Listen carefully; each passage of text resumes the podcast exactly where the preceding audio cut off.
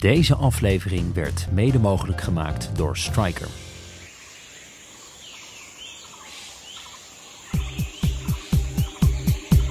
Met het mes aan tafel.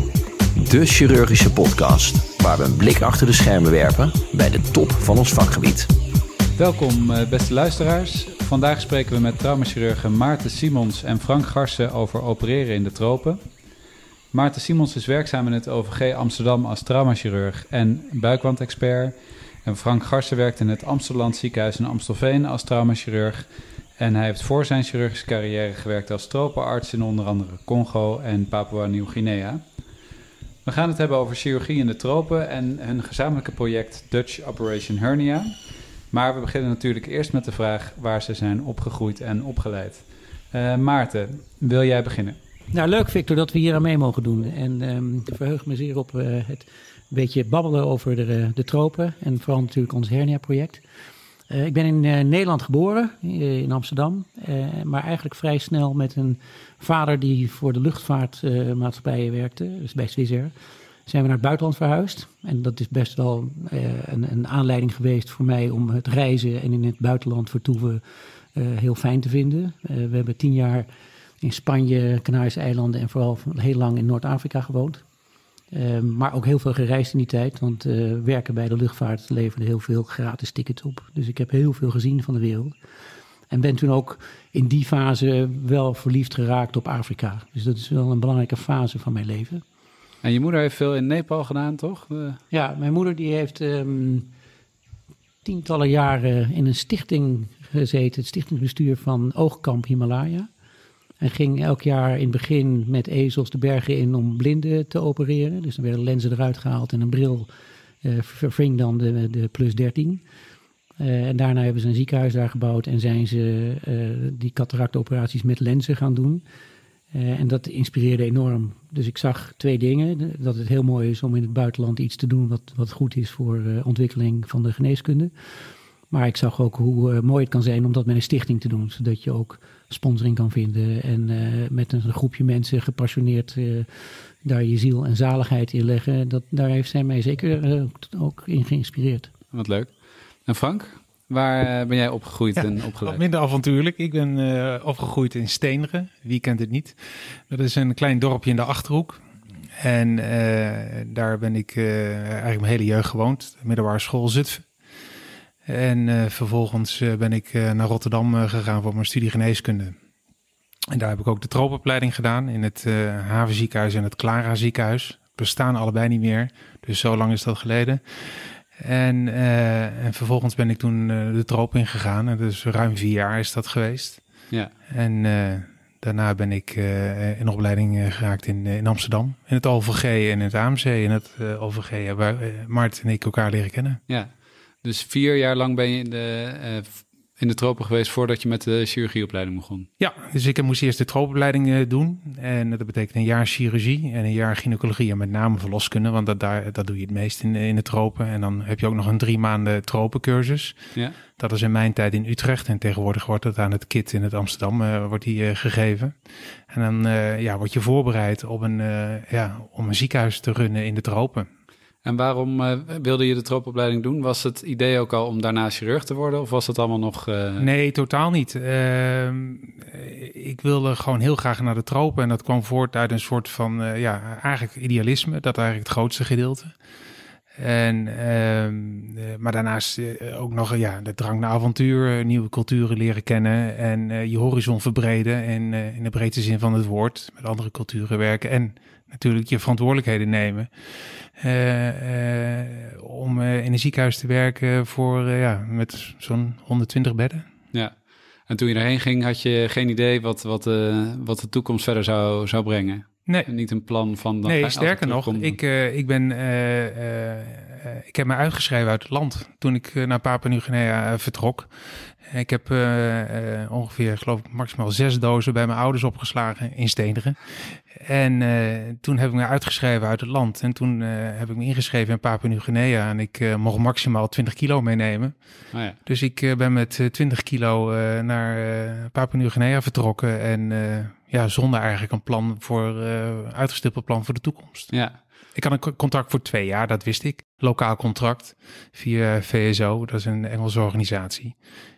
En, en die, de, de, even terug naar de opleiding zelf, de tropenopleiding. Is dat nou iets wat, uh, waarvan je... Kan je dan echt wat na die opleiding? Want, uh, ja, dat is, een beetje, dat is een beetje een gewetensvraag. Want uh, als ik zeg nee, dan doe je alle mensen tekort die gaan. Ja. het is eigenlijk gewoon tekort. Een tekorte opleiding voor wat je eigenlijk gaat doen. Maar er is niet zo heel veel keus. Uh, uh, in die zin, uh, je kunt daar geen twee keer zes jaar een opleiding doen om als een volleerd gynaecoloog, heet dat, chirurg naar de tropen te gaan. Dus, en dan gaan, gaat ook niemand meer. Dus eigenlijk het doel is in die troopopleiding om zoveel mogelijk basisvaardigheden te leren. En met name chirurgie, je moet een niesbreuk kunnen, je moet een darmnaad aan elkaar kunnen zetten. en je moet uh, met name de simpele fracturen kunnen behandelen. Uh, en bij de gynaecologie is met name de verloskunde die je goed moet beheersen. Dus je moet een seksshow kunnen doen. Ja. En dan kun je met logisch nadenken de tropen redelijk uit de voeten. Want daar heb je denk ik wel veel meer gedaan dan wat je geleerd hebt in, ja. in Nederland. Ja, en dat is, uh, dan uh, pak je een boek erbij? Of, uh... Ja, zeker. Ja, dat is wat ik me nog heel goed kan herinneren is in, Papua Nieuw-Guinea dat ik dat er dat, was veel domestic violence en er was een, een vrouw in haar buik getrapt. Uh, en uh, ja, die was zeer hypertensief en uh, ja, die kon eigenlijk niks anders dan, dan een mildruptuur hebben. En, en ze hebben er ook allemaal hepatosplenomegalie, dus dit is enorm groot, is, is een mild ook. Maar ik had dat nog nooit gedaan. En, en ik zat toen met een, met een, een, andere arts uit Papua, die ik moest opleiden, zeg maar, die mijn plek zou overnemen. En ik vroeg aan hem hoe vaak hij het had gedaan. Hij had het ook geen enkele keer gedaan. Ik zei, nou, dan gaan we dat samen nu voor het eerst doen. En hebben het boek van Morris King erbij gepakt. En, uh, en, uh, en uh, toen zijn we die operatie zijn we begonnen. Maar wel, ja, met enige zweet ja. in de bilnaad, kan ik je wel vertellen. En dat was ook bloedheet overigens. Maar ehm, het is gelukt. Ja, lijkt me spannend. Dat, ik, dat was een zeer spannende operatie, ja. En waar ben je toen, want toen je klaar was met de troopopleiding, was je denk ik 26 of... Ja. En waar ja, 28 was ik, ja. Want ik had ook nog wat uh, vertraging hier en daar opgelopen met dat buitenlandse avonturen, zeg maar. Maar uh, nee, ik was geloof ik 28 toen ik vertrok. En waar, waar, ging je eerst naartoe? Was dat Congo? Nee, Papa, Papa oh, Nieuw-Guinea. Ja, ja, Papa Nieuw-Guinea. Hoe gaat het dan als, uh, uh, als trooparts? Je komt eraan, uh, ze zeggen van nou dit is je ziekenhuis succes en daar doe je dan alles? Of, ja. of richt je... Nou ja, ik had, ik had geluk dat ik, dat ik daar met een, met een ervaren tropenarts... en dat als iemand in de tropen gaat, raad ik die ook aan als hij voor het eerst gaat... om een ervaren plek te zoeken in die zin waar iemand zit die wat ervaring heeft. Ik zat daar met een Nederlands Zuid-Afrikaan en hij was al heel lang trooparts... En ehm, van hem heb ik het een beetje, zeg maar, geleerd daar.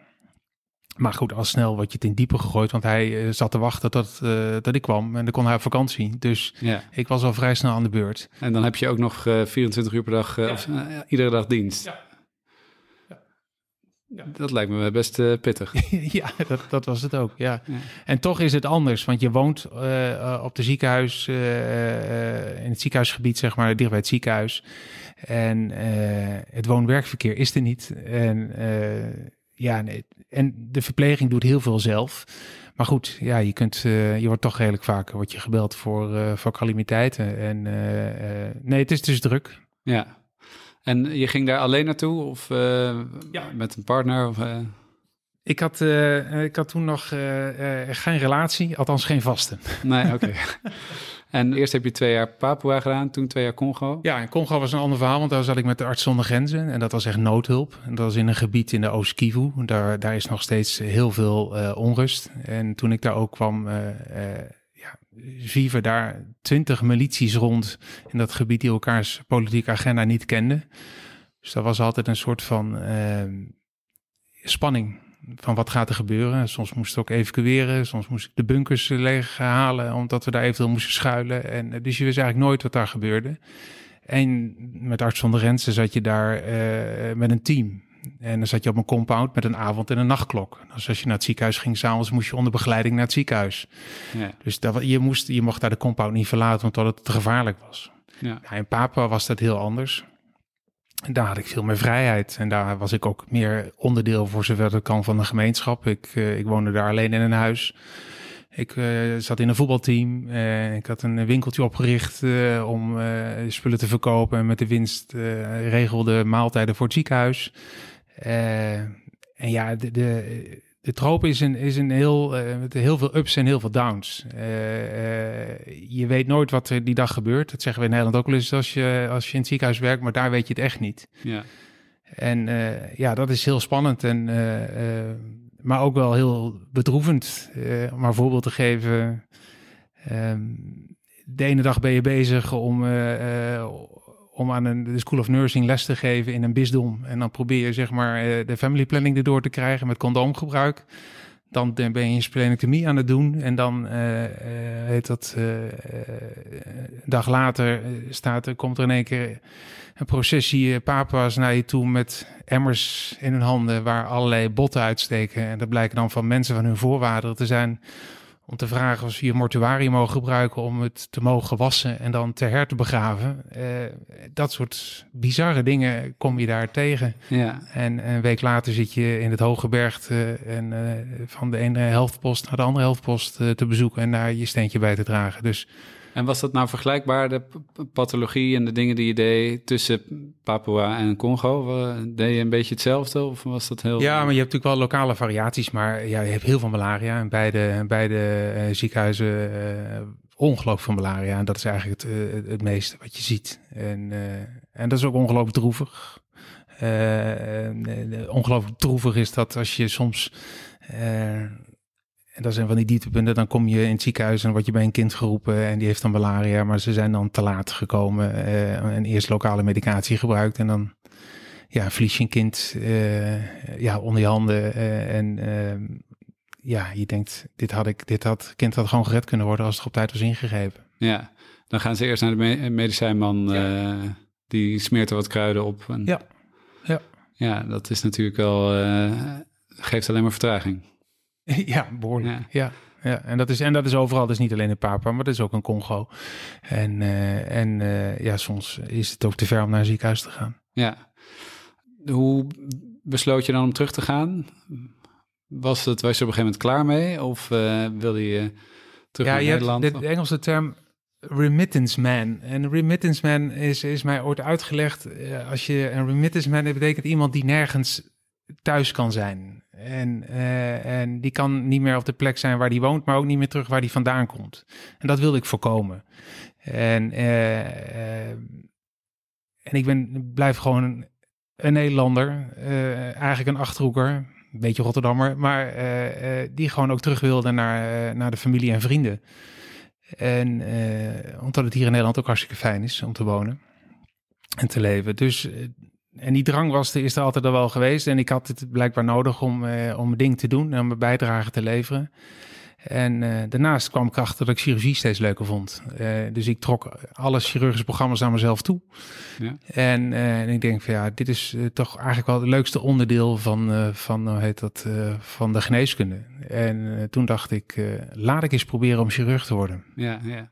En Maarten, heb jij ook ooit dit overwogen om tropen, tropenarts te worden? Zeker. ja, ik, um, ik, ik was bezig met een, een, een, luchtmachtopleiding toen ik me afvroeg, hoe ga ik dan de wereld nog zien? Want eigenlijk was ik nog steeds een beetje een, een, een reizende nomade. Um, en toen ben ik ingelopen voor medicijnen en eigenlijk vanaf dat moment dacht ik, ik ga gewoon een uh, tropen toekomst tegemoet. En het liefst als flying doctor. Dat leek mij de mooiste, allermooiste baan op aarde. Ja, nou, dat uh, ik, heb, ik heb, ook lang, heb ik ook nog lang ja, over nagedacht. Ja. Dus mijn junior kooschappen uh, en al, eigenlijk al mijn kooschappen waar het even kon. En ook tussen de kooschappen door, want wij hadden lange wachttijden. Ben ik in de tropen gaan werken in ziekenhuizen in Liberia, heel primitief. In Indonesië, heel primitief. Maar ook in Bagdad in een oorlogsziekenhuis. Uh, en de combinatie van reizen, wat, wat Frank ook net zegt, het avontuur daarvan, de culturen, het, het, omgaan met verschillende mensen in verschillende delen van de wereld. Ja, dat zat gewoon nog steeds echt in me. En ik, toen ik terugkwam in Nederland, toen heb ik achtergelaten een, een heerlijk klimaat, een, een prachtige natuur en, en vrijheid. En ja. toen dacht ik, ja, ik, ik was nog niet echt voldoende voor Nederlands. Uh, om, om te accepteren dat mijn, de rest van mijn leven na geneeskunde in Nederland zou uh, doorbrengen. Dus nee, mijn plan was om tropische arts te worden. Maar dat heb je uiteindelijk niet gedaan? Nee, dat, dat is een, ehm, een, een, heel duidelijk verhaal is dat geworden. De, ik, ik, was toen verliefd op een juriste. En ik, ik zei tegen haar nadat ik bijna klaar was met de kooschappen... ga mee naar Kenia en dan ga je zien hoe geweldig dat is. en toen zijn we samen een maand lang in Kenia geweest. heb ik vier verschillende Nederlandse artsen opgezocht en, en de ziekenhuizen bezocht met een, een landrovertje. en Dania die ging heel vrolijk mee uh, en iedere keer als ik de prairie zag en wilde beesten zag rondlopen, dacht zij, maar wat ga ik hier in godsnaam doen? En toen had ik dus wel door dat ik niet een, een leven met Dania in de tropen ging doorbrengen. En uh, dat was ook wel de tijd overigens van AIDS. Dus het, een van die artsen die we daar ontmoet hebben, die is overleden door een, een, een verwonding aan zijn vinger. Oh ja. dus er zat ook wel wat nadelen aan de tropen. En ik was ook niet van plan om het mijn hele leven te doen. Ik wist dat tropen afstompend werkten. En op een moment word je een beetje cynisch en dan ga je toch een beetje verzuren van alle tegenvallers die er ook weer zijn. Um, dus toen ben ik teruggegaan naar Nederland en ja, in mijn ogen wonder boven wonder aangenomen in de chirurgopleiding. In een fase waarin er helemaal niet zoveel opleidingsplekken waren. Ja, toen was het gewoon klaar. Toen kon Dania lekker jurist spelen in Nederland. Ja. Uh, en ik chirurg worden met de afspraak, ik ga terug naar de tropen zo gauw het kan. Ja. Uh, en dan moesten de kinderen gewoon even iets groter voor worden. Ik moest even Frank tegenkomen. Ja. Uh, en, en toen heb ik gewoon besloten, ik ga in ieder geval elk jaar terug naar de tropen, maar dan korter. En eigenlijk is dat de perfecte lifestyle. Hè? Dat je toch in de tropen kan zijn, maar je nest in Nederland hebt. Ja, dus het, het verhaal wat Frank zo vertelt, dat is, is dat iets dan waar je jaloers van kan worden als je zo hoort dat je jarenlang daar aan het werk bent? Of ben je, vind je het eigenlijk wel fijn dat je het op deze manier nu... Ja, de, de carrière van Frank, alles behalve dan dat het een Rotterdammer is uh, en, en hij voor de verkeerde club is, uh, zou ik zo willen overnemen. Vier jaar lang dat avontuur. Ja. Maar dan, ja, ik denk dat het ook wel een voordeel was dat hij daar geen gezin had en, uh, Zeker. en, en vrijgezel was. Totaal. Want je, ja. Je, je, ja, je, je omgeving is niet onterecht een beetje bezorgd ja. over dat leven daar. Ik geloof dat Frank ook bijna dood geweest is van de malaria. Hij is heel bescheiden dat hij dat nog niet verteld heeft. Maar je wordt gewoon ook een keer te grazen genomen door hele vervelende ziektes.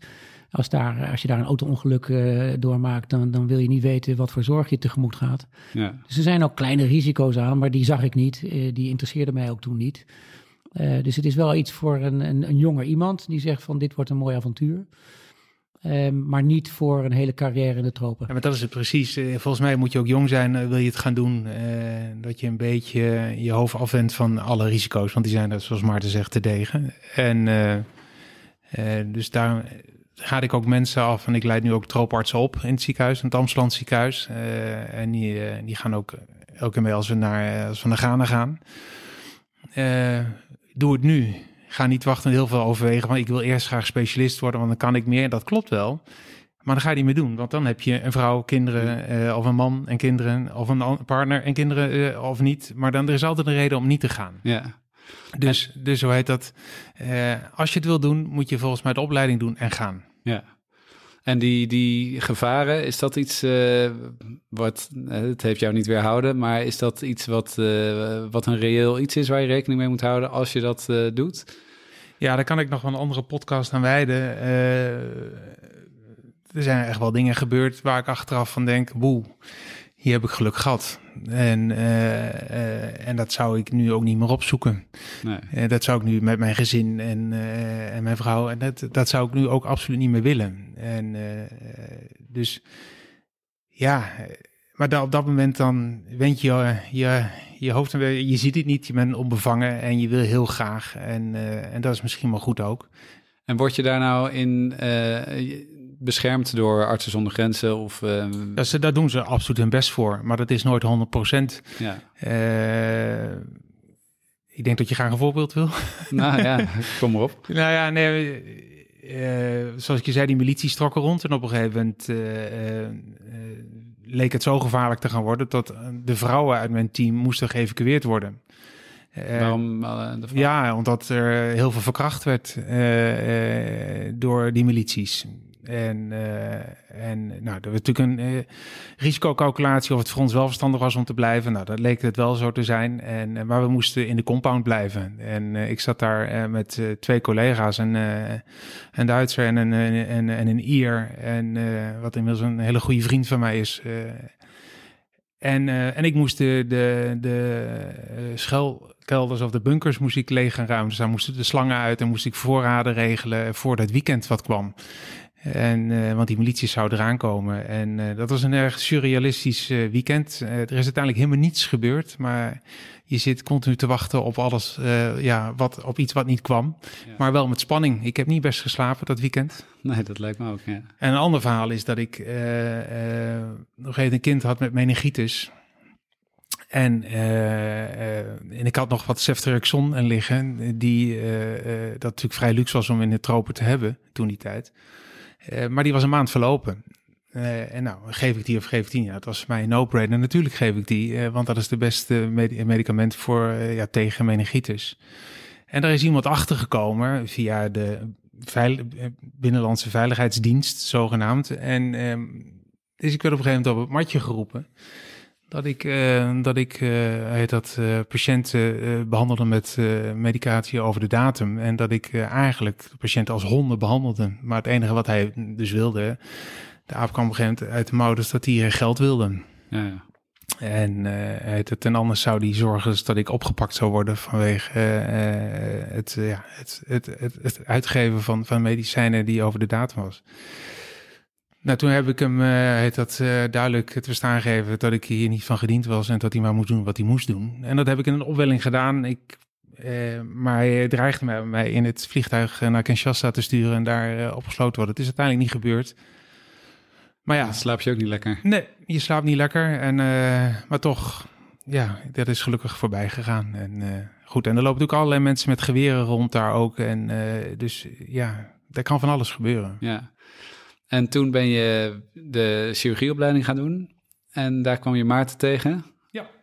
Uh, hoe ging dan, uh, hoe kwam jullie... Uh, want ah, het contact was heel moeizaam, hè Maarten? Dat, dat heeft een paar jaar. Hij heeft, hij heeft een van de weinigen, heeft hij vier jaar lang, zeg ik dan maar, nodig gehad om bij ons opgeleid te worden. Ja. Maar hij had een wel een mooi rooster. Dus hij had vier twee. Er zijn nu ook assistenten die hebben één jaar ter gooi, dan één jaar uh, OVG en dan twee jaar AMC en dan komen ze terug en dan weet ik niet meer hoe ze heten. En, en, en met, met Frank heb ik een band kunnen opbouwen omdat hij maar niet weg te krijgen was. Ja.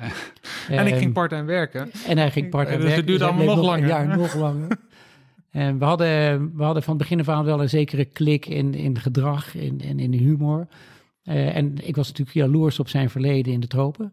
Ja. ja, en wat zich aandiende, ik weet niet of je dat bruggetje wil gebruiken, maar uh, als lid van de European Hernia Society werd ik, kwam ik in contact met Chris Opong en Andrew Kingsnorth. En dat zijn twee mensen uit Plymouth.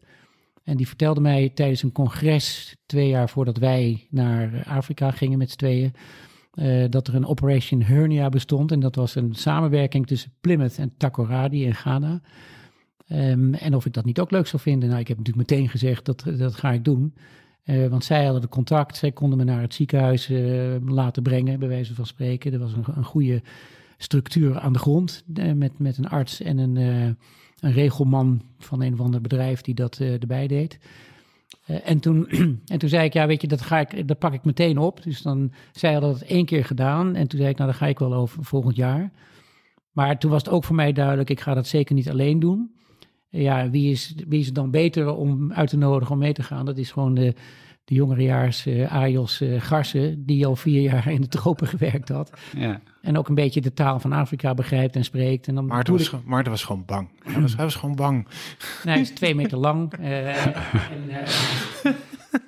maakt enorme indruk. Daar, je krijgt ook wel spijt van alle indruk die hij steeds moet maken. Maar dat, dat, dat ging dus gewoon vrij duidelijk vlot. Ja. Maar ja, wil je mee naar, naar de tropen en ik, ik geloof niet dat u er heel lang over gedaan heeft om ja te zeggen. En toen, en toen zijn we met z'n tweeën zijn we de eerste trip gewoon gaan doen zonder begeleiding uit, uh, uit Engeland. Uh, omdat ik al gewend was om liesbreuken onder plaatselijke verdoving te opereren. Dat was wel de voorwaarde. Um, hebben we gewoon in overleg met Plymouth hebben we het één keer gedaan. Het jaar daarna met z'n drieën weer, met Jamila Boerma erbij.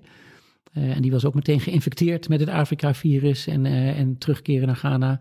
En twee jaar daarna met uh, Nanette en, uh, en Eddie Hendricks en Anne Otterhoff en Frank Ipma. En, en toen was het opeens duidelijk dat we dat elk jaar gingen doen. Ja, en zo ontstond de Dutch Operation Hernia. En toen werd het Dutch Operation Hernia als onderafdeling van Operation Hernia.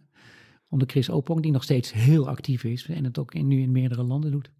En wat was dan het doel? Um, mensen helpen of ook uh, een deel opleiding of, en een deel voor je plezier natuurlijk hm. ook, denk ik. Wat, wat hoe... Uh...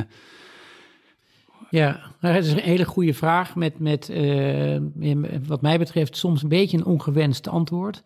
In de zin dat eigenlijk moet je Afrika helpen door hun op te leiden en zelfstandig te maken. Dat zou het doel moeten zijn. Hè? Zij moeten sustainable worden in hun eigen gezondheidszorg.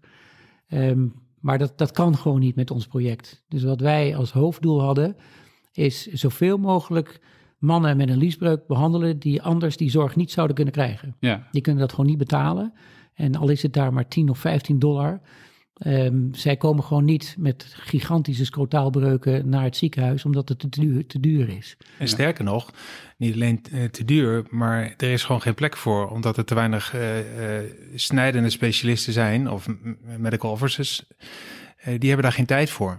Dus die, de, er is een enorme brain drain naar Engeland toe. En als je gaat naar heel veel Ghanese dokters, die, die vertrekken naar Engeland toe. Dus ze hebben echt een tekort aan artsen daar ook. Ja.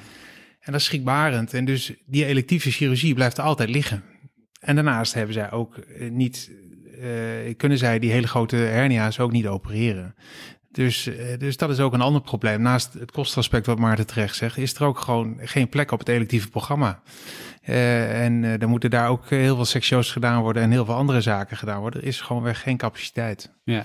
Dus ik denk dat daar, het is natuurlijk iets wat wij ongelooflijk leuk vinden om te doen. En door allemaal jaren in de tropen ben ik er ook achter gekomen dat je eigenlijk op microniveau een bijdrage kunt leveren. Uh, en ik denk dat je daar ook tevreden mee moet zijn. Wij helpen gewoon mensen op individueel niveau. En ik denk dat daar ook niks mis mee is. Nee. En daarnaast vinden we het ongelooflijk leuk. Ja, tuurlijk. En, uh, dus, uh, en we proberen natuurlijk wel op te leiden. Maar dat gaat lastig. En dat hebben we ook gezien, want ze hebben weinig tijd. Hè. Je, ja. jij, jij hebt met name, Maarten heeft ongelooflijk veel tijd gestoken in een paar lokale dokters. Maar dan er is altijd ergens in, in, in de schakel, uh, in, ontbreekt ergens. Of hebben de materialen, de matten niet. Of nou is dit weer niet of dat niet. Of er is gewoon weg, dus geen capaciteit. Dus hebben ze geen tijd voor. Ja.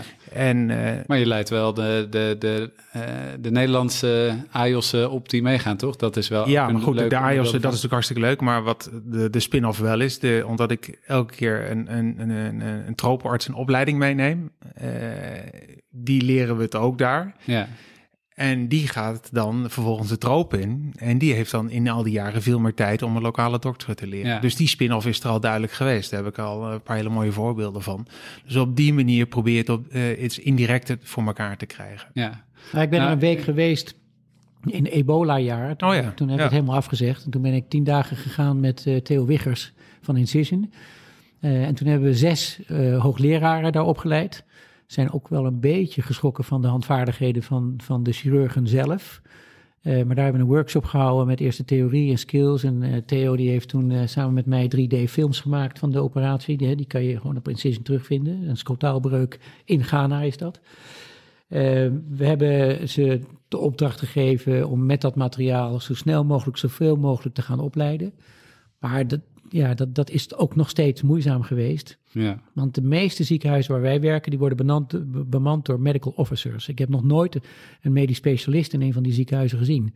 En die medical officers, wat, wat Frank terecht zegt, die hebben het gewoon stinkend druk met infectiologie, met kindergeneeskunde en de, de maternity wards. Dus die doen gewoon twee, drie sectio's per dag.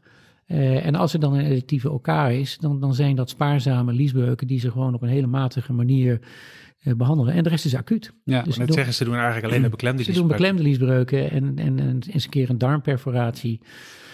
Uh, en voor de rest staat die OK gewoon eigenlijk vaak leeg.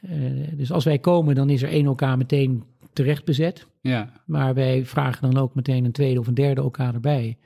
En wij, ja, wij denken dat wij het meeste doen voor het land is door gewoon acht, negen liesbreuken per dag per elkaar te opereren.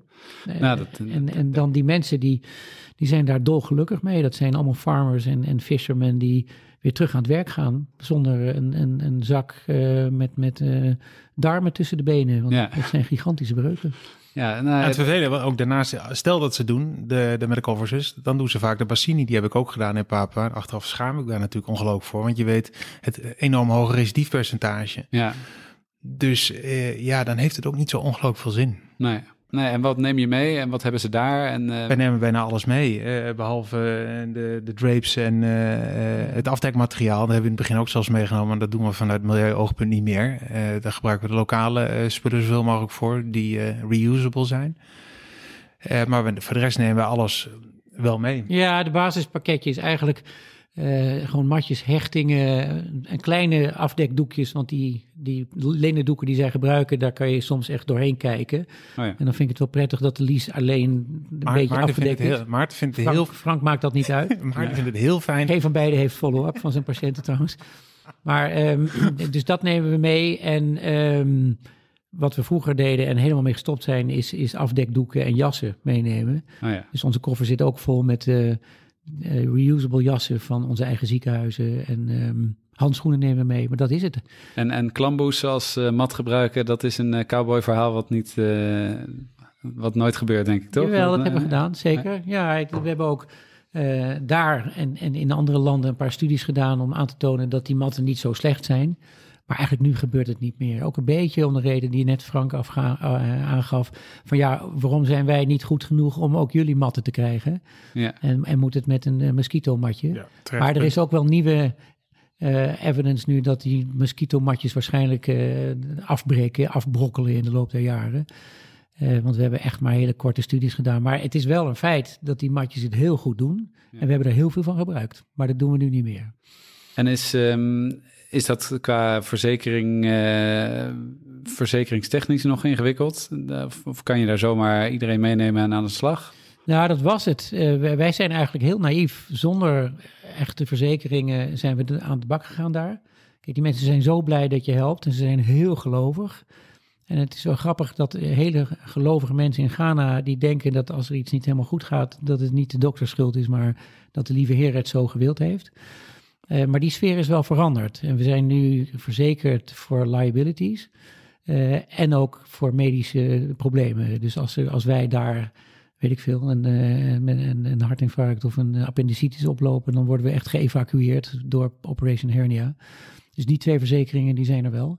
En die hebben we ook nodig gehad, want we hebben een inval gehad twee jaar geleden van een minister uit Accra, die hoorde dat de European surgeons were operating. En die kwam gewoon op hoge poten binnen met een limousine. En een hele nare ervaring voor de ploeg die daar toen was. En die moesten meteen stoppen met het werk. Eh, want de papieren waren niet in orde. En dit is precies hetzelfde verhaal als Frank net zei. Ze waren misschien wel uit op, op geld of, of op, op macht eh, of, of, of, op invloed. Ja. Maar ja, die hebben wij ze gewoon niet gegeven. Ik heb alleen maar uitgelegd, we doen dit al tien jaar. En er zitten nu acht mensen te wachten op zo'n operatie. En toen zei hij letterlijk: If you go and operate now and the patient dies, it's murder. Ja, ja. En dat was het laatste zin die ik nodig had om dan maar de hele operatie stil te leggen. Uh, dus ja, we hebben met, met papieren en bureaucratie hebben we een, een, zodanig incident gehad dat we nu zorgen dat het allemaal perfect in orde is. Ja. Wat ik ook wel begrijp, want wij gaan er natuurlijk alleen maar met gecertificeerde chirurgen naartoe. En we gebruiken geen materialen die uh, out of date zijn. Um, maar ja, het blijft ook, dat zeg ik heel vaak, het blijft ook wel een beetje Afrika. Je moet ook het onverwachte verwachten. Ja. En is het nou zo, vinden jullie dat uh, iedere chirurg in Nederland die, die uh, zeg maar zin heeft om een keer een weekje in Afrika te opereren, dat dat uh, zomaar moet kunnen? Of, nou ja, je moet het zelf niet willen, denk allebei ik. heftig nee schudden? nee, je moet het zelf ook niet willen. Uh, ik denk dat je uh, heel goed over na moet denken. Wat wil je doen en wat wil je bereiken? En uh, alleen iets leuk vinden, zoals wij natuurlijk ook wel vinden, is, is niet genoeg. en ik heb ongelooflijk veel cowboys aan het werk gezien. En zelfs ook basisartsen die aan de slag gingen. Soms gedwongen, min of meer gedwongen werden om iets te doen. En je kunt jezelf heel hard tegenkomen. In, in, de, in de tropen? In de tijd dat ik zelf in de tropen zat. Ja, ja. ja. En je, je moet het gewoon niet willen. Maar je kunt soms in hele hachelijke, vervelende situaties terechtkomen. En dat zijn dan mensen die denken daar gewoon een beetje de... Ja, vaak, vaak gaat het uit de meest naïeve en goed bedoelde intenties. Maar eh, dan gaat het hopeloos mis. En als er dan iets heel vervelends gebeurt, dan uh, daar, ga, daar ga je heel lang spijt van hebben. Ja. Ik denk dat je focusmissies moet doen. Dat doen wij ook, hè?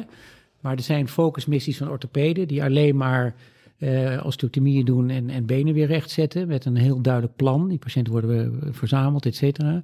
Uh, er zijn plastische chirurgie focusmissies voor, voor open gehemelte bijvoorbeeld. En wij hebben ook een focusmissie waarbij als we daar komen zeggen, wij gaan gewoon echt alleen maar 150 liesbreuk. We hebben er al meer dan 1800 gedaan, hè? dus het is best wel een volume. Um, en ik ben twee keer in de problemen gekomen. Uh, doordat we daar waren en er iemand met een sigmoideris uh, perforatie binnenkwam. En dat, ja, die patiënt gaat dood of wij gaan toch maar kijken. En dan zit je zonder een anesthesist. Dan moet je met een spinaal iemands buik openmaken. En, en ja, niet, niet heel fijn. En je, je gaat er ook weg met een rotgevoel. Want je kan die patiënt verder niet nakijken. Er is geen IC, IC. Dus je gaat zorg verlenen waarvan je gewend bent om een heel hoog niveau te doen in je eigen ziekenhuis. En dan ga je daar improviseren. En dat kan wel als je er een carrière van maakt, wat Frank gedaan heeft. Maar je moet dat niet zien als even, ik ga ook eens even in de, in de tropen een week opereren. Dit nee. nogmaals, een focusmissie die goed georganiseerd is. Wij, wij opereren daar altijd met een ervaren ploeg met nieuwe mensen. Ja, je bent mee geweest. Er zijn altijd vijf chirurgen en vijf assistenten. Ja. En die vijf chirurgen die hebben alle vijf dat al een aantal keren gedaan. En als er een nieuwe bij komt, dan gaat hij eerst heel even meekijken met de ervaren chirurg. Maar je moet elkaar even zodanig trainen in het spelletje in de tropen. Dat je er gelukkiger van wordt en, en niet ongelukkiger. Ja. ja, want je moet bijvoorbeeld eh, heel simpel. Uh, in Nederland geven we het mes terug. Uh, maar daar het mes leg je altijd in een, uh, in een bekkentje terug. je geeft nooit, een mes geef je nooit terug aan de instrumenterende. En dat is eh, vanwege eh, alle risico's daar. Uh, dat is gewoon één heel simpel ding, maar het is wel belangrijk om dat te weten. En, uh, en dat, daar moet je langs, want moet je daar, uh, iemand moet je daar de weg in wijzen om dat, om dat te leren, zeg maar. Ja. Het vergt ook wel discipline om matjes in te brengen bij liesbreuken. Want heel veel mensen reageren met wat? Ga je daar een matje in brengen? Maar wat als het dan infecteert? Ja, dus je moet er onder die omstandigheden, waarbij je moet bedenken dat er een airconditioner in die zaal aanstaat of een waaier de deuren staan eigenlijk open, want anders is het te warm. Uh, dus de vliegjes vliegen rond. Uh, je hebt afdekdoeken waar je doorheen kan kijken. Uh, en je hebt vaak een, een, assistent aan tafel die het voor het eerst doet, omdat we te veel kaas bemannen voor het personeel wat we hebben. En onder die omstandigheden moet je gewoon een steriele operatie doen. Ja, dat, dat, is, dat helpt dat je die ervaring opgebouwd hebt. Gek genoeg, de tafel staat altijd precies op de hoogte zoals je niet wil. Dat, ja. is dat, is altijd, dat weet je eigenlijk van tevoren. ik heb een, op, is een foto van Maarten en mij. Ik zit op mijn knieën eh, op een gegeven moment te, opereren. En Maarten op de andere staat op zijn, op zijn badslipper stond hij te opereren. En uh, staat op zijn tenen de hele tijd te opereren. Dus, maar die, die tafel kon dus niet uh, bewegen. Mm. Dus er is, uh, je, je hebt absoluut geen ideale omstandigheden. En daar, uh, en daar moet je niet zomaar willen beginnen. Nee. De weglooplamp Oh ja. De weglooplamp. Ja, die heb je ook. Ja. De lichten vallen eh, iedere trip een keer uit. En dan staan we met, met, laatst was het ook met iPhones, maar dan sta je met, met een koplamp. Ja. En een, een non-cutting scissors, die, uh, die heb je ook eigenlijk altijd. Ja. Maar jij, jij hebt volgens mij een sectio met koplampen gedaan. Ja, dat klopt. Ja, Toen wilden we net beginnen aan een sectio en toen viel het, al het licht uit. En uh, met een hoofdlamp op, ja, ging het, uh, kind kwam eruit.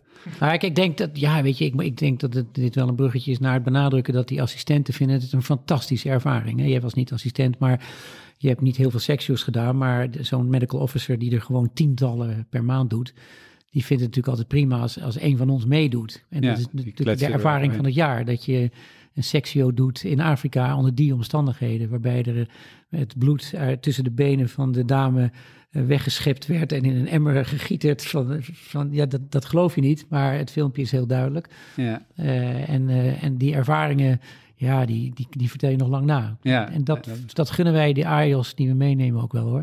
Ik geloof dat er inmiddels wel 80 mensen mee geweest zijn op onze? Ja. Ja, ja, Het lijkt me best een uh, hele organisatie om dat zo te, te regelen. En hoe, hoe doen jullie dat en hoe, hoe blijven jullie dat doen in de, in de toekomst? Ja, we, we hebben een, een, een harde kern uh, en ik heb ze al even genoemd, maar Nanette van Geloven, Eddie Hendricks, Jamila Boerma, Frank en ik zitten in een stichtingsbestuur uh, van uh, de, Dutch Operation Hernia. en we hebben best wel leuke sponsors kunnen vinden de laatste paar jaar. en daarmee kunnen we de organisatie gewoon iets professioneler aanpakken. En met, met die harde kern en alle mensen die ook vaak mee geweest zijn, maar net, maar net niet bij die eerste lichting, hopen we dit nog vele jaren te doen. Ja, Mooi. Ja, er is Ja, een mooie, mooie website trouwens, die heeft eh, Eddie heeft die eh, gebouwd. Dus eh, daar kunnen mensen ook eh, alle informatie en heel veel foto's op zien. Als mensen Geïnteresseerd zijn. geïnteresseerd zijn. Ja, de selectieprocedure is totaal ondergrondelijk. Ja, En er kan niet over gecorrespondeerd worden. Ja, je kan wel eh, corresponderen, maar of je een antwoord krijgt, dat is maar de vraag. ja, precies. Nee, er willen natuurlijk heel veel mensen mee en dat snap ik ook. Eh, eh, maar dat, eh, dat wordt eh, in eh, de desbetreffende ziekenhuizen eh, worden mensen soms meegevraagd. eh, en eh, ja, er worden altijd mensen teleurgesteld, maar Ja, so be it. ja. En wat zijn nou als afsluiter jullie mooiste herinneringen aan de tropen, eh, opereren in de tropen? Is dat, eh, of zijn het er zoveel dat het, dat het moeilijk kiezen is? Nou, mijn mooiste verhaal die ik vaak vertel is, is dat ik een. eh, het is allemaal onder plaatselijke verdoving. Ehm, maar de meeste farmers en fishermen die spreken nauwelijks Engels. Oh, dit. Maar, maar ik, eh, ik, ik had een, een teacher, eh, die gewoon ja, een hele intelligente man. Eh, en die, ik heb er gewoon ronduit gesprek zitten voeren over van alles en nog wat. Totdat hij zei waar hij vandaan kwam. En hij kwam van een village op vier uur lopen. Waar de medical doctor ter plaatse, dat was een, een herbs dokter, dus een lokale Ghanese non-dokter. Die verbood het de mannen met liesbreuken naar de grote stad te gaan, because you will die. Eh, dus al die mannen bleven daar en ze werden gewoon met grassmeersels en, en weet ik veel wat behandeld, maar die breuken gingen maar niet weg. En toen heeft deze man de stoute schoenen aangetrokken nadat hij hoorde dat de European Doctors er waren. Dat wordt door het hele land rondgebazuind via vooral de megafoons op de bushaltes. Eh, en toen is hij vier uur gaan lopen naar eh, ons ziekenhuis. Ik heb hem geopereerd. Ik wilde een uur later, want we doen altijd alles per uur bij wijze van spreken. En dan gaan we even kijken hoe is het. En dus toen ging ik een uur later naar die man toe en toen was hij al weg. Want hij was weer vier uur terug aan het lopen. En de volgende dag stonden er 25 à 30 mannen uit dat dorp. Allemaal voor ons ziekenhuis, hebben, hebben ze ons verteld, want ik heb ze niet zelf gezien. Met de mededeling dat ze ook allemaal liesbreuk hadden en dat ze graag ook door diezelfde dokter behandeld wilden worden. Oh ja. En, eh, en deze, deze ontzettend aardige teacher, die zei, may the Lord praise you forever. En als je me vraagt van waar doen we het eigenlijk voor, dan is het wel heel erg fijn om die mensen zo ongelooflijk gelukkig te maken. ja. Met, eh, met een lies waar gewoon opeens niks meer tussen de benen bengelt. Wat een mooi verhaal. Dus toen heb je er een week achteraan geplakt om die 35 Ja. ook nog... eh, Ja, dat is niet gelukt. We hebben altijd te veel patiënten. En het is wel heel erg leuk, en dat zijn honderden verhalen hoor, is om gewoon dit samen te doen en, en zo'n weekendje eh, even af te sluiten aan het strand. en, en gewoon met de chirurgen van Nederland, het, wat, en da- daar bouw je vriendschappen op. Daarvoor doe je het ook hoor. Het is ontzettend leuk om te doen. Ehm, nou, dan sluiten we het hiermee af. Eh, heel erg bedankt voor dit hele leuke verhaal. En eh, inspirerend, denk ik. Ik denk dat eh, veel eh, mensen ja- jaloers zijn op wat jullie allemaal hebben meegemaakt. Dankjewel Victor, was het, Ja. leuk om te doen. Dankjewel. Voor deel 2 over de tropen gaan we door met Jurre van Kesteren. Eh, Jurre is sinds december 2022 gecertificeerd gastro-intestinaal en oncologisch chirurg. Hij is arts internationale gezondheidszorg en tropengeneeskunde en heeft van 2014 tot 2016 in Sierra Leone gewerkt ten tijde van de ebola-uitbraak. Hij zit in het bestuur van de NSIS, de Netherlands Society for International Surgery, en is co-founder van Global Surgery Amsterdam. Ook is hij een van de initiators achter de Malawi Surgical Oncology Summer School, die dit jaar voor de tweede keer wordt georganiseerd. Jurre, welkom. Ja, dankjewel. Leuk om hier eh, te zijn. Jurre, kun je als eerste eens even ons vertellen, eh, waar ben je opgegroeid en opgeleid? Ja, natuurlijk. Ehm, Ik ben opgegroeid in Amsterdam, ben daar geboren. Eh, daar basisschool, middelbare school gedaan. Ben ook gaan studeren. Eerst uitgeloot voor geneeskunde, begonnen met biomedische wetenschappen. Dat drie jaar gedaan, mijn bachelor gehaald en toen een eh zijnstroomprocedure gedaan voor geneeskunde in, eh, in Leiden. Daar in het derde jaar ingestroomd, opleiding afgemaakt en eh, vervolgens de troopopleiding gedaan in, eh, in Den Haag. Ja, ik kan me voorstellen dat dat tijd te kort is om iets te vertellen over je tijd in Afrika ten tijde van de ebola-uitbraak. Maar kon je ons daar toch nog even heel kort in, in meenemen? En wat voor jou het meest belangrijk was, wat je toen hebt gezien, gedaan? Of... Ja, zeker. Ehm, ik, ging naar, naar, naar Sierra om te werken eigenlijk in een, in een ziekenhuis waar ook een chirurgisch trainingsprogramma eh, loopt. En ik denk dat we dat daar nog zo meteen over gaan, eh, gaan hebben. Ehm, maar ja, de, realiteit die, die bleek toch wel anders. Ik zat daar net twee maanden en toen kregen vanuit Arts zonder Grenzen een, een bericht dat in Guinea, dat is een van de uh, naburige landen, dat daar een ebola-patiënt was uh, gediagnosticeerd, terwijl er eigenlijk in West-Afrika nog nooit ebola was gezien eerder. Um, en toen kregen we gelijk wel de boodschap ook vanuit MSF. Ja, misschien moet je het ook wel gaan voorbereiden. Want ja, op het moment dat je één patiënt hebt, ja, dan spreek je bij ebola eigenlijk al van een uitbraak. Mhm. Um, en gezien hoe het ja, gezondheidszorgsysteem in dat deel van West-Afrika is, zou het best wel eens kunnen zijn dat het de verkeerde kant op gaat. En um, niet, ja, dat men niet weet natuurlijk dat het de grootste ebola-uitbraak alle tijden zou, zou zijn. Um, of zou, zou worden, zijn we wel langzaam begonnen met het, het, voorbereiden. We zijn online gaan zoeken naar, naar documenten van wat is precies ebola, want zoveel wist ik er ook niet vanaf. Hoe kan je uh, patiënten dan uh, triëren? Zijn er mogelijkheden om dat te doen? Hoe, hoe werkt het dan precies met, uh, met isolatie? Ehm, maatregelen. En daar zijn we um, ja, stap voor stap ons in gaan, gaan, gaan scholen en ook veel contact met, met de organisaties vanuit Europa, waar we toen voor, voor werkten. Die hebben ons daar ook wel bij, uh, veel bij geholpen. Um, om de juiste, juiste documenten te vinden. Maar ja, we werden eigenlijk toch al snel ingehaald door de, door de tijd waarbij het aantal ebola-patiënten rap, rap toenam. Um, en wat je eigenlijk zag gebeuren is dat het hele gezondheidszorgsysteem in Sierra Leone instortte. Mensen die wilde niet meer naar het ziekenhuis. Het idee was als je naar het ziekenhuis gaat, ja, dan kom je er ook ziek uit. Uiteindelijk zijn. 1 op de 12 uh, medewerkers die in ziekenhuizen werken in Sierra Leone zijn uiteindelijk ook uh, zelf besmet geraakt en, en komen te overlijden. Dus um, het heeft heel veel impact gehad en, en die uitbraak heeft ja, begon eigenlijk een paar maanden nadat ik er was en die duurde mijn hele periode in Sierra Leone en was net, net voorbij voordat ik weer terug ging naar, naar Nederland. Dus al met al heeft het veel, uh, ja, toch wel uh, veel, veel impact gehad op mijn periode daar. Ja. Veel indruk gemaakt zo te horen. Ja, zeker. Ja, ja, ja, ik kan me voorstellen inderdaad. Ja, dan, dan is bijna een, een, ik, weet eigenlijk niet zo goed hoe je naar zo'n uh, moeilijk onderwerp toch een bruggetje moet maken. Maar ik probeer het toch maar. Um, ja, Sheldon Nerd Fact. Um, weet je waar het woord tropenjaar vandaan komt? Nou, het is iets met, uh, dat is dubbeltellen volgens mij, maar... Ja, de, dat is een uitdrukking die komt uit de koloniale tijd, waarbij uitgezonden naar Nederlands-Indië um, ieder jaar dat ze daar werkten uh, dubbel mochten tellen voor hun pensioen en uh, onderscheidingen. Um, nu is het met name om aan te geven dat het een zwaar jaar was. Dus ja, je kunt voor jou wel zeggen dat het wel echt zware jaren waren. Ja, maar ook, ook hele mooie jaren en ik kijk er met heel veel plezier op, op terug. Maar het was inderdaad ook wel ja, best pittig. We waren daar met, uh, met twee troopartsen. Um, en het idee is dat het uh, dagelijks bestuur of dagelijks management van het ziekenhuis wordt ingevuld door de trooparts die een meerjarig contract heeft in het ziekenhuis. dus als je met z'n tweeën daar zit, dan ben je eigenlijk ja, verantwoordelijk voor het hele rijlen en zeilen van zo'n ziekenhuis. Um, en dat betekent dat je en het klinisch deel doet en het management erbij. Um, en qua dienstbelasting is het dan uh, één week op, één week af qua, qua dienst. Dus één weekend per twee weken ben je dan, dan vrij. En de rest van de tijd ben je eigenlijk aan het werk. Dus dat is best wel pittig überhaupt. En dan komt ook eens een keertje die hele ebola-periode erbovenop met uh, ja, spanningen en ehm, ja, ook wel angst af en toe. Ehm, misschien wel meer dat ik dat nu realiseer dan toen ik daar toen, uh, toen zat. Want het gaat toch allemaal erg langzaam. Hè? De eerste patiënt en dan um, begin je met voorbereiden. En dan wordt het iets erger. En dan breidt het uit. Dus het gaat allemaal stap voor ja, stap. Ja.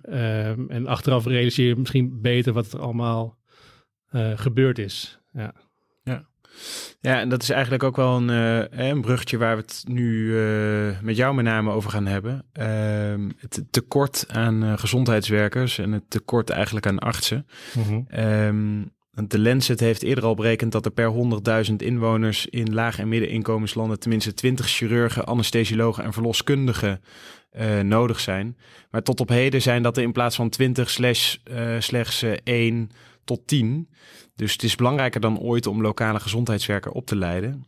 Uh, en een studie uit 2016 door het Noorse Cappacare toonde al aan uh, dat er in Sierra Leone slechts 2,7 surgical providers, dus de chirurg, anesthesioloog en verloskundigen, zijn per 100.000 inwoners. En daarnaast heb jij, uh, begrijp ik, een household survey gedaan, waarbij je meer dan 3000 mensen hebt geïnterviewd. Dat er 1 op de 15 mensen in Sierra Leone ten tijde van het interview een wond een mogelijke fractuur, een zwelling of een klacht hadden, die tenminste een chirurgisch consult rechtvaardigde. Eh, dus al met al werk aan de winkel in dit deel voor, ehm, voor West-Afrika. Ehm, en jij werkt dus voor het, je hebt gewerkt voor het Noorse Kappa Care en de Deense Masanga groep. Kun je daar wat over vertellen? Ehm, om te beginnen misschien met de Masanga ziekenhuis? Ja, ja, zeker. Dus het Masanga ziekenhuis, dat, was eigenlijk mijn officiële uh, werkgever. Um, en dat was uh, het ziekenhuis zelf, um, gerund door een, een Deense organisatie. En het Kappa Care is een ja, Noorse onderwijsinstelling eigenlijk, een Noorse NGO, die dat onderwijsprogramma vanuit het Masanga ziekenhuis ja, runt. En het Masanga ziekenhuis is een voormalig lepra ziekenhuis. En, en doordat het een lepra ziekenhuis is geweest, was het juist ver weg van de ja, bewoonde wereld uh, neergezet. Dus het is echt in het binnenland van, van Sierra Leone, in het Tonkolili-district. Ongeveer vier uur rijden vanaf, uh, vanaf de hoofdstad. En ook um, van de, ja, de, de geasfalteerde weg af, echt het binnenland, binnenland in. Mm -hmm. Kom je opeens op een schitterend terrein met het dorpje Masanga, waar ongeveer 5000 mensen wonen. En dan grote toegangspoort en achter is dan het ziekenhuisterrein. En op het ziekenhuisterrein, daar, daar woon je dan ook als uh, medical officer in charge. Heb je het doktershuis, dat is de plek waar je dan uh, waar je zit. Um, en het ziekenhuis zelf is ongeveer, heeft ongeveer 100, uh, 100 bedden. Um, er zijn twee operatiekamers aanwezig, een polykliniek. Er is een laboratorium dat we langzaam ook hebben verbeterd in de periode dat ik daar zat. Hoeveel, hoeveel patiënten verzorgt het ziekenhuis dan? Zeg maar, wat is ja, de, uh... het is best lastig om dat te zeggen, maar wordt dan beschreven dat het catchment area, dat is dan het gebied, het adherentiegebied, zeg maar, dat ja. het uh, ongeveer 400.000 mensen zou beslaan uh, voor, dat, voor dat ziekenhuis. maar ook een groot deel van die mensen gaat natuurlijk nooit naar het ziekenhuis, maar dat is dan het, het, het, idee qua, qua adherentiegebied. En wat doet Kappa Care dan, dan precies dus in? Nou, Kappa Care, dat, die, die, dat ziekenhuis is... Um, in de jaren zestig is het ooit uh, uh, gestart. Toen ze tijdens de bur burgeroorlog is het ziekenhuis helemaal in verval uh, geraakt. En in 2006 is het heropend door die Deense organisatie. In samenwerking met de overheid in Sierra Leone. En die hebben toen gezegd, we gaan hier een trainings- en opleidingsziekenhuis van maken. Want het grote probleem in veel inkomenslanden is dat er gewoon te weinig geschoold personeel is. En het ziekenhuis, omdat het zo afgelegen was, was daar eigenlijk een ideale plek om gewoon heel rustig een opleiding op te kunnen bouwen. Waar mensen gewoon getraind kunnen worden uh, in uh, zowel nursing, uh, zorg als fysiotherapie als chirurgische zorg. En die invulling van die chirurgische zorg, dat trainingsprogramma, dat wordt gedaan door Kappa Care. En dat is weer een Noorse organisatie. En die hebben ten doel gesteld om met name clinical officers op te leiden. CHO's. Ja, clinical, dat zijn community health officers of clinical officers. Dat zijn dus eigenlijk geen artsen, maar dat zijn mensen die hebben, simpel gezegd, een soort van uh, driejarige uh, opleiding gedaan. Waarmee ze wel in een ziekenhuis kunnen werken als een clinical officer. Officieel geen arts uh, zijn. Maar die worden getraind in het uitvoeren van operaties die van ongeveer 15 tot 16 chirurgische condities bevatten. Een soort physician assistant eigenlijk. Ja, het is altijd we zoeken vaak een soort van analogie van hoe kan je ja. dat dan vertalen naar ja. een Nederlands setting. Uh, ik weet niet zo goed hoe ik dat precies moet benoemen, want in een ziekenhuis uh, als clinic officer werken ze echt zelfstandig. Ze werken dus niet weer onder supervisie van een arts. Ze kunnen zelfstandig daar ook patiënten zien en behandelen. Maar de clinic officers die weer worden getraind um, en uiteindelijk aan de slag gaan als surgical assistant, community health officer, als die opgeleid zijn, die werken wel weer onder supervisie van een chirurg. Wat zijn dan de 15 meest basale ingrepen die ze moeten kunnen? Nou, grosso modo. Ja, nou, dingen die heel veel voorkomen. Er zijn dus mensen met, met wonden, goede wondzorg kunnen, kunnen leveren. Een uh, nette amputatie kunnen doen. Uh, een liesbreuk kunnen herstellen. Een, een, botbreuk kunnen zetten, maar ook een fixatuur externe kunnen gebruiken. Uh, maar ook bijvoorbeeld iemand die binnenkomt met een, een perforatie, een typhoid perforation van, het, van de dunne darm. lapotomie overhechten daarvan, een drainagesysteem aanleggen. Dat zijn een beetje de basale ingrepen die ze dan leren uh, in een periode van drie jaar. En dat leren ze dan van? Nou, in het begin waren het alleen um, chirurgen uit met name Scandinavië die daarheen kwamen als, als trainer. Maar wat erg leuk is aan het programma van Kappencare, is dat ze heel erg een train-de-trainer principe hanteren. Dus de clinic officers die worden opgeleid, die worden ook weer meegenomen in de trainingssessies. Uh, en steeds meer lokale uh, clinic officers die die opleiding hebben doorlopen. En die volgens ook aan de slag zijn in een van de districtziekenhuizen. Die worden nu weer betrokken bij het trainen en opleiden van de jonge generatie clinical officers. Hm. Dus dat is heel erg ja. uh, goed. Um, ook uh, chirurgen uit Nederland zijn ook een paar daarheen gegaan om uh, mee te werken, mee te helpen met de training van, de, van Kappeker. Dus die vallen dan als een soort van trainingsmissie onder de vlag van de Nederlandse stropenartsen? Kan ik dat um, zeggen? Even kijken hoor. Nou ja, op zich niet, hè, want ze zijn, um, ze zijn gewoon, dit zijn medespecialisten uit Nederland. Die sluiten zichzelf aan bij Kappeker. En Kappeker regelt dan dat ze erheen gaan uh, als, een, als een trainer. En het staat wel een beetje buiten de, de, de trooparts. De trooparts die is opgeleid in Nederland en in, uh, in het Mazanga ziekenhuis werkt, zijn met name verantwoordelijk voor het logistieke deel. Dus die trooparts met één jaar chirurgieervaring, één jaar gynaecologieervaring en een buitenlandstage, die nu vervolgens ja, de medical officer in charge van het Masanga ziekenhuis is. Dat is niet over het algemeen de trainer van de clinic officers. Die clinic officers worden getraind door uh, echt ja, chirurgen, zeg maar, uit het buitenland. Chirurgen uit Sierra Leone zelf die er zijn. En die betrokken zijn bij het programma. En bij uh, clinic officers die het programma hebben doorlopen. En nu als trainer worden meegenomen in het trainingsprogramma. Ja, duidelijk. En, en kan zo'n introductie van zo'n CHO dan moet dat nou gezien worden als een soort van pragmatische oplossing voor het tekort aan chirurgen? Of is het een afbraak eigenlijk van chirurgisch ambacht? Beetje prikkelende vraag natuurlijk. Ja, maar... ik denk dat het, dat het uh, afhangt van aan wie het vraagt. Um, kijk, er zijn twee problemen. Uh, grof gezegd, je kan zeggen er is een totaal probleem, als in het aantal, het, gewoon het volume van, van chirurgen. Dat is uh, vele malen lager dan dat is ja, aangegeven uit de WHO, wat als een minimaal vereiste uh, er zou moeten zijn. Maar zo'n keer een distributieprobleem. Als je kijkt waar zitten dan die chirurgen? Zitten die in het binnenland of zitten die met name in de hoofdstad? Dan zie je eigenlijk dat het, ja, het merendeel van alle chirurgen in de peninsula zitten van rondom Freetown, ja. de hoofdstad. En daar doen zij uh, ja, goed werk, doen ze de chirurgische zorg. Maar in het binnenland is, is eigenlijk geen chirurg te vinden.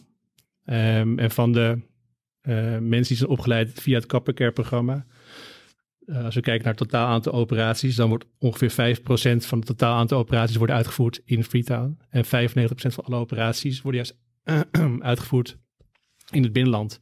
Dus daarmee is het ja, misschien wel meer dan een pragmatische oplossing. Het is ook gewoon wel een oplossing voor de situatie in, in Sierra Leone. Um, maar het is, ik denk wel dat iedereen het ziet als een tussenoplossing. Uiteindelijk wil je wel de, de, ja, de medische zorg in het geheel uh, uh, verbeteren.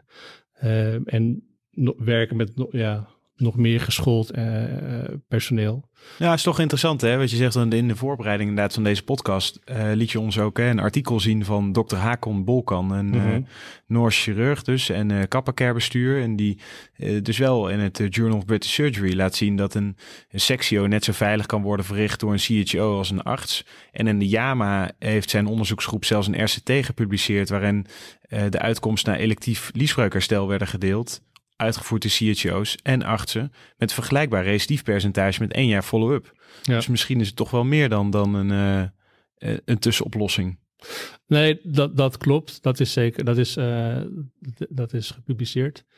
Um, gelijktijdig kun je ook zeggen, wat zegt dat dan over de huidige opleiding die daar is voor de chirurgen zelf? Hè? Want ja. dat is ook het probleem. Er is eigenlijk in Sierra Leone nog geen goede uh, gedegen opleiding uh, voor, voor uh, artsen die zich willen specialiseren als chirurg, zoals wij dat kennen met een zesjarige opleiding. Um, er zijn wel constructies met de meeste gezel waarbij je meeloopt in het ziekenhuis. Maar zo gedegen als dat die Kappencare driejarige opleiding in elkaar zit, dat ontbreekt eigenlijk voor de artsen in Sierra Leone. En dat geeft, we zijn nu bezig met een kwalitatieve studie en we kijken naar de, wat zijn nou de barrières en de enablers voor de implementatie eigenlijk van zo'n um, task sharing trainingsprogramma, zoals het heet. Wat zijn nou de problemen? Waar lopen we nou erg tegenaan? En dan, dan zie je wel dat het, het feit dat het gewoon eigenlijk ook geen gedegen vervolgopleiding voor artsen zelf is, dat het ook wel meespeelt in, um, in de acceptatie, of de moeizame acceptatie van het opnemen van clinic officers in het uh, gezondheidszorgsysteem in, ja. in Sierra Leone. Ja, duidelijk. Dus dat, ja, dat, dat, of het nou een pragmatische oplossing is, um, of een, of een aanval op het ambacht. Ik vind het een moeilijke uh, vraag om daar heel hard stelling in te nemen. We, laten, we laten het even in het midden. Helemaal mooi.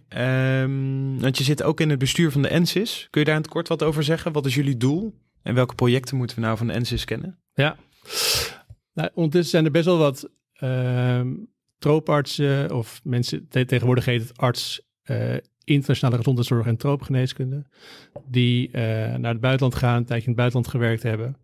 Uh, en daarvan weten we dat een derde deel uh, gaat verder via de uh, huisartsenzorg. Een derde deel gaat ongeveer in de sociaal-geneeskundige hoek uh, gaan ze verder aan de slag. Um, en een derde deel wordt, wordt specialist, um, gynaecoloog kan, maar ook toch wel een paar chirurgen de laatste tijd. Ook zijn een paar chirurgen nog in opleiding, zijn een paar zijn al klaar. En we hebben ons zelf uh, ja, verenigd binnen de, de dat is een, uh, een taakgroep die officieel hangt onder de NVVH. Vroeger was het de werkgroep tropische, tropische chirurgie. En wat die uh, werkgroep doet, is dat we het chirurgisch deel van de opleiding van die ja, troopartsopleiding, dat we dat eigenlijk bewaken.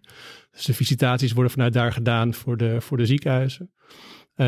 over het chirurgisch deel. maar worden ook uh, onderwijsdagen gegeven. Ieder jaar geven we bijvoorbeeld een cursus over liesbreukchirurgie. En over het leggen van een darmnaad, een handgelegde darmnaad. Hoe doe, je dat nou als je in de, in de tropen zit? Um, en wat daarnaast gebeurt is, uh, ja, ik weet niet precies wat het mooie Nederlandse woord is, maar advocacy. Dus het eigenlijk het, het kenbaar maken van de toegang tot chirurgische zorg. Um, en wat wij zouden kunnen doen vanuit Nederland, uh, willen we ook altijd laten zien op de chirurgendagen. Het eigenlijk ieder jaar sinds de nou, nu vier, vijf jaar achter elkaar, hebben we toch een sessie op de chirurgendagen uh, met een bepaald onderwerp over uh, chirurgische zorg in laag, uh, laag inkomenslanden. Zoals bijvoorbeeld Malawi? Dus nou, dat, dit jaar is, Liberia? Ja, dus dit jaar hebben we het over Malawi gehad en over Liberia. Het zijn twee projecten. Um, in Malawi, dat is, gaat het over de Malawi Surgical Oncology Summer School. Dat is een, een week lang onderwijs eigenlijk over oncologische zorg uh, gericht op de situatie in Malawi. En het komt op verzoek van uh, uh, professor Erik Borgstein, een kinderchirurg die in Blantyre werkt, in het, in het kinderziekenhuis daar.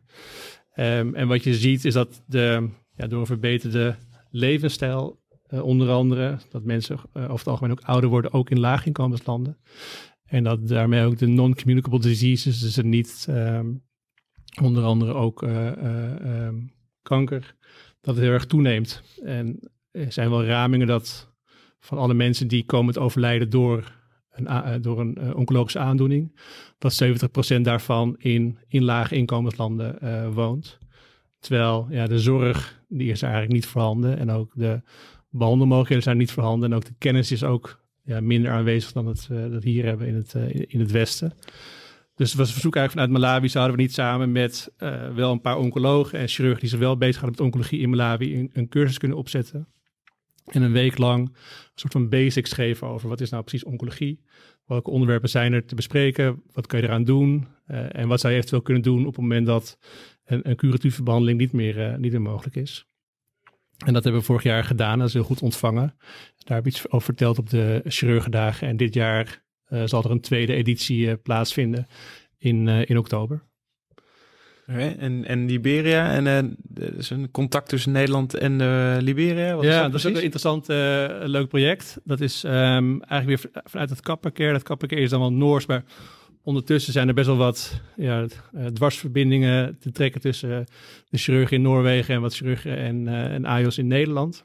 En wat Kapperkeer nu doet, ja, die zijn dat trainingsprogramma volgens hetzelfde model van drie jaar opleiden zijn ze aan het uitbreiden naar Liberia. Dat is een, een buurland ook in West-Afrika van, uh, van Sierra Leone. We werken ook weer samen met, uh, met, met de ministry, de overheid. Um, en ze hebben daarvoor gekozen om niet clinical officers op te gaan leiden in drie jaar. Maar vanuit Kappencare de uh, chirurgieopleiding te ondersteunen in, in Liberia. Hm. Dus daar gaan ze echt de, de artsen die chirurg willen worden. Ja, andere groep. En nu is de vraag van kunnen we niet met alle kennis en kunde uh, die in Nederland aanwezig is, kunnen we niet kijken hoe we die opleiding kunnen uh, verstevigen uh, door met differentianten of met chirurg uit Nederland ehm, deel te nemen aan die trainingsmissies in, in Liberia. ehm, voor lokale chirurgieassistenten. En daar is nu een eerste project van geweest, ehm, paar maanden geleden. En dat gaat ook weer vervolg krijgen. Dus dan ga je daar ter plaatse als chirurg in opleiding of chirurg, ga je daar lokale collega's opleiden eigenlijk? Ja, dan ben je betrokken bij de opleiding en het is dan vraaggericht. Dus het idee is van, wat zijn de onderwerpen die in Liberia heel erg spelen bij de AIOS daar? Is er bepaalde expertise in Nederland daarover aanwezig? En kunnen wij kijken hoe we dan die opleiding uh, kunnen ondersteunen, ondersteunen door bijvoorbeeld nou, daarheen te gaan, uh, mee te helpen met het opzetten van een lesprogramma, eventueel casuïstiek met elkaar te kunnen, kunnen bespreken en behandelplannen op te stellen. Ja, voordat we doorgaan naar de toekomst van de tropenopleiding. Ja, je bent ook uh, co-founder van de Global Surgery. Wat, wat doet dat uh, onderzoeksinstituut nou precies? Ja, Global Surgery Amsterdam inderdaad. Dat is een onderzoeksinstituut sinds 2017. En wat wij um, ja, zagen is dat eigenlijk best wel wat mensen in Nederland bezig zijn met hoe kunnen we nou ja, vanuit onderzoeksperspectief de kwaliteit van zorg uh, verbeteren. maar eigenlijk waren al die losse onderzoeken met elkaar verbonden. En daarbij bieden wij een platform om deze onderzoekers met elkaar te verbinden. En als laatste, want je had het uh, er net al een beetje over, over dat de, de, de trooparts in ieder geval in Masanga niet per se de CHO's opleidt, maar wel hele infrastructuur rondom regelt. Mm -hmm. um, en ja, de, voor de opleiding hebben ze natuurlijk maar één jaar chirurgie. Um, kun je nou in één jaar, denk je, een, een, een tropenarts opleiden om, om te leren snijden? Of bagatelliseer ik het dan? Ja, we hebben het fameuze roze boekje. Dat is, het boekje waar alle eindtermen in staan voor de, voor de trooparts. En wat je allemaal moet behalen. Als je dat roze boekje nu doorbladert, dan denk je, ja, dat is allemaal uh, schier onmogelijk om dat allemaal te beheersen na één jaar, één jaar tijd. Um, ja, het is een combinatie van een jaar chirurgie, jaar gynaecologie en nog een zes maanden stage. Die is sinds een paar jaar is hij ook verplicht voor de, de trooparts in opleiding. Um, en het idee is dat ze dan de ervaring uh, vanuit Nederland ja, verder uitbouwen in, dat, in die zes maanden stage. En die zes maanden stage wordt weer gedaan in een ziekenhuis waar ook uh, een chirurg weer aanwezig is. Dus de chirurgische groei die ze doormaken, niet alleen maar in Nederland, maar ook nog tijdens die buitenlandstage. Um, maar ja, je kan natuurlijk niet verwachten dat wij vinden dat je er zes jaar over moet doen. En dat tropers dat allemaal in één of anderhalf jaar zouden kunnen. Maar bepaalde basisbeginselen, die, die moet je wel kunnen beheersen na, na een jaar wat mij betreft. Misschien dat de lokale plekken waar de tropenartsen nu zitten ook anders eruit zien dan vroeger? Dat je daar dus ook nou, meer preventie doet en minder opereren? Of hoe moet ik dat zien? Ja, dus ik denk dat de klassieke uh, baan waarbij je werd uitgezonden vanuit... Uh, um, uh, ministerie van Buitenlandse Zaken echt naar een, echt zo'n tropenziekenhuis ging en dat je daar in je eentje zat en alles deed. Dat, die plekken zijn er uh, niet. Dus gelukkig gaat uh, op veel plekken het ook goed in de wereld. en ook worden ook steeds meer plekken worden ook lokaal artsen en chirurgen opgeleid die zelf die baan kunnen invullen. Dus ik denk dat je, wat je nu ziet, is dat, dat veel trooparts gaan werken voor een grotere organisatie. en dan, ja, dan werk je ook niet in je eentje, dan ben je onderdeel van een, uh, van een team. Of je komt toch op een plek terecht waar ook een sterker lokaal team aanwezig is. Um, dus dat ondervangt denk ik wel een klein beetje dat je niet alles uh, al kan na één jaar uh, tijd. Dus je gaat eigenlijk steeds meer van het, uh, wat het vroeger nog was, het leren opereren in Nederland en dan vervolgens alles mm. Afrika wegopereren, gaan we eigenlijk meer naar het leren um, onderwijzen en, en leren opereren in Nederland en het meehelpen met de opleiding ter plekke. Ja, dat lijkt het. Dat is wel het idee wat ik, wat ik daarbij heb, hoe het steeds meer, steeds meer gaat, inderdaad. Okay. Ja, ja. Uh, mooi, Jurre. Uh, dankjewel voor de, dit interview. Is er nog een. Um, is er nog iets waarmee je de uh, luisteraar of blijde als een soort van laatste boodschap, een belangrijke boodschap die je wil meegeven aan het einde van de podcast? um,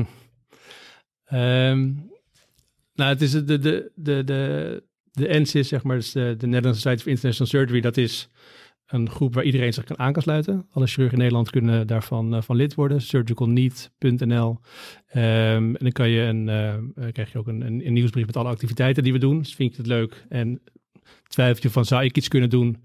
Uh, ja, abonneer je op onze nieuwsbrief en schrijf, ons, schrijf ons aan. Ik denk dat het een eerste stap, stap is. Mooi, dankjewel Jurre. Bedankt voor het interview. Ja, leuk, graag gedaan. Dit was met het mes aan tafel. Tot de volgende keer.